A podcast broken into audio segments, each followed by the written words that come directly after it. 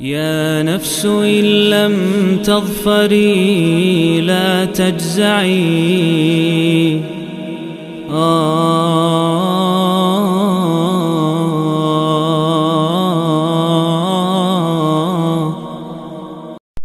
بسم الله الرحمن الرحيم. الحمد لله رب العالمين. وبه نستعين على أمور الدنيا والدين. والصلاة والسلام على أشرف الأنبياء والمرسلين سيدنا محمد وعلى آله وأصحابه أجمعين. أما بعد. Masih bersama program 114 hari menyambut Ramadan Sajian tafsir ijmali Penjelasan ringkas secara umum terhadap surat-surat Al-Quran One day one surah Dan kali ini bersama surat An-Nahl Surat yang ke-16 Surat Makkiyah ini turun setelah surat Al-Kahfi Dan turun sebelum surat Nuh. Terdiri dari 128 ayat Surat ini disebut An-Nahl Diambil dari firman Allah di ayat ke-68 dari surat ini Wa auha rabbuka ilan nahli Dan Rob engkau telah memberikan ilham kepada lebah. Dan lebah itu menjadi bagian yang paling unik dari surat ini dibanding surat-surat lain. Dibanding surat-surat lain hanya seperti biasa aturannya seperti yang sudah dijelaskan oleh Imam Asyuti dalam Al-Itqan nama surat dipilih dari yang paling unik. Ya dari surat tersebut yang tidak keunikan tersebut ya tidak dijumpai di surat surat lain seunik itu. Dan uh, Allah Subhanahu wa taala sebutkan lebah Allah puji lebah uh, emphasize lebah walaupun dia masuk kecil tapi ternyata dan bahkan sekilas nampak berbahaya ya sekilas seperti tidak berguna tapi justru Allah sebutkan di sini dia memberikan menjadi sebab ya menjadi sebab dari kenikmatan yang luar biasa banyak. Bahkan termasuk obat bagi manusia. Yaitu kata Allah Subhanahu wa taala di uh, di sini keluar dari lebah tersebut ya minuman yang menjadi obat bagi manusia. Dan banyak keunikan-keunikan lebah ya kalau kita perhatikan dan memang makhluk Allah sekecil apa pun itu mengandung keluar biasaan dan tema besar surat ini memang itu tentang melimpahnya nikmat Allah. Melimpahnya nikmat Allah. Itu tema besar surat ini. Wallahu bisawab. Karena memang surat ini dari awal sampai akhir menyebutkan kenikmatan yang luar biasa. Dan nama An-Nahl sendiri mewakili bahwa jangankan nikmat berupa penciptaan langit, bumi, nikmat berupa Al-Qur'an, nikmat berupa beragam nikmat Allah sebutkan di surat ini, anak, turun, harta, makanan, minuman, hewan, segala macam. Jangankan yang besar-besar seperti itu. Yang kecil saja lebah ternyata sudah luar biasa nikmat melimpah dengan sebab makhluk kecil ini.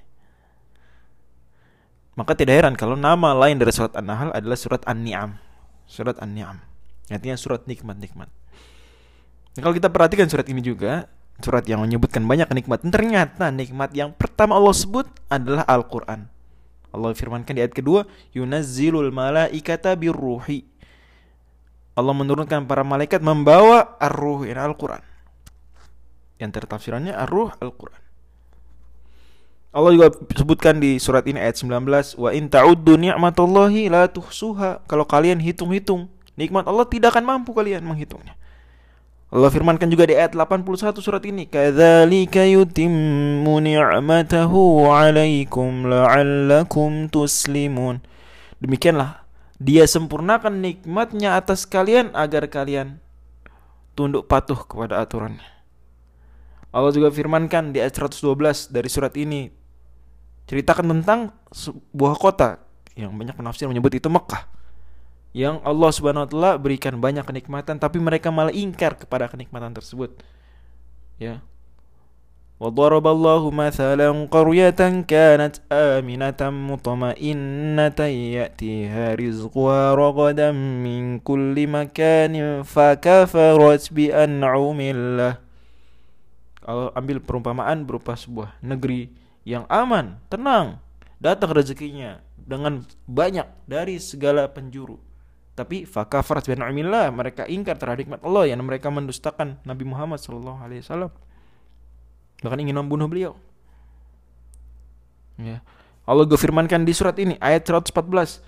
Washkuru ni'matallahi in kuntum iyyahu ta'budun. Syukurlah nikmat Allah jika memang kalian sungguh-sungguh beribadah menyembah kepadanya. Allah juga menyebutkan tentang Nabi Ibrahim. Allah puji dengan mengatakan syakiran li an'umi. Nabi Ibrahim bersyukur terhadap nikmat-nikmat Allah. Surat An-Ni'am. Tema besar surat An-Nahl.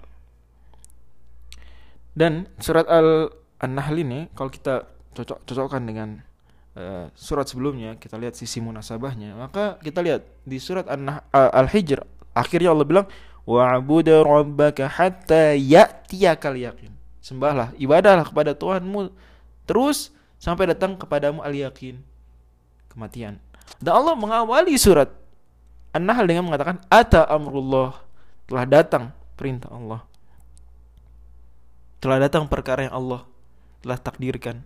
Jadi ibadah kita telah lakukan dan sudah datang sebelumnya perintah Allah, peringatan Allah. Maka kita terus beribadah sampai datang kelak kematian. Juga kalau kita lihat di akhir surat Al-Hijr Allah Subhanahu wa taala mengatakan inna kafaina kal mustahziin kami akan belang kau dari orang-orang yang mencemooh. Ya. Dan surat An-Nahl Allah Subhanahu wa taala mengatakan ata amrullahi fala tastajiru. Telah datang perintah Allah, perkara Allah. Jangan tergesa-gesa, jangan minta dia dicepatkan ini hukuman Allah tersebut. Hmm. Dan juga uh, surat Al An-Nahl ya kalau kita lihat dia menyebutkan wa in ta'udu ni'matallahi la tuhsuha sama seperti surat Ibrahim surat ke-14. Wa in ta'udu ni'matallahi tuhsuha. Dan keduanya sama-sama mengapit satu surat Al-Hijr. Yaitu surat yang isinya adalah inna nahnu nazzalna dzikra inna lahu lahafizun mengisyaratkan lagi bahwa Al-Qur'an betul-betul nikmat yang teramat luar biasa. Dan memang demikian adanya wallahu alam bisawab kita kaji terus Al-Qur'an. Karena memang demikian itulah bentuk syukur kita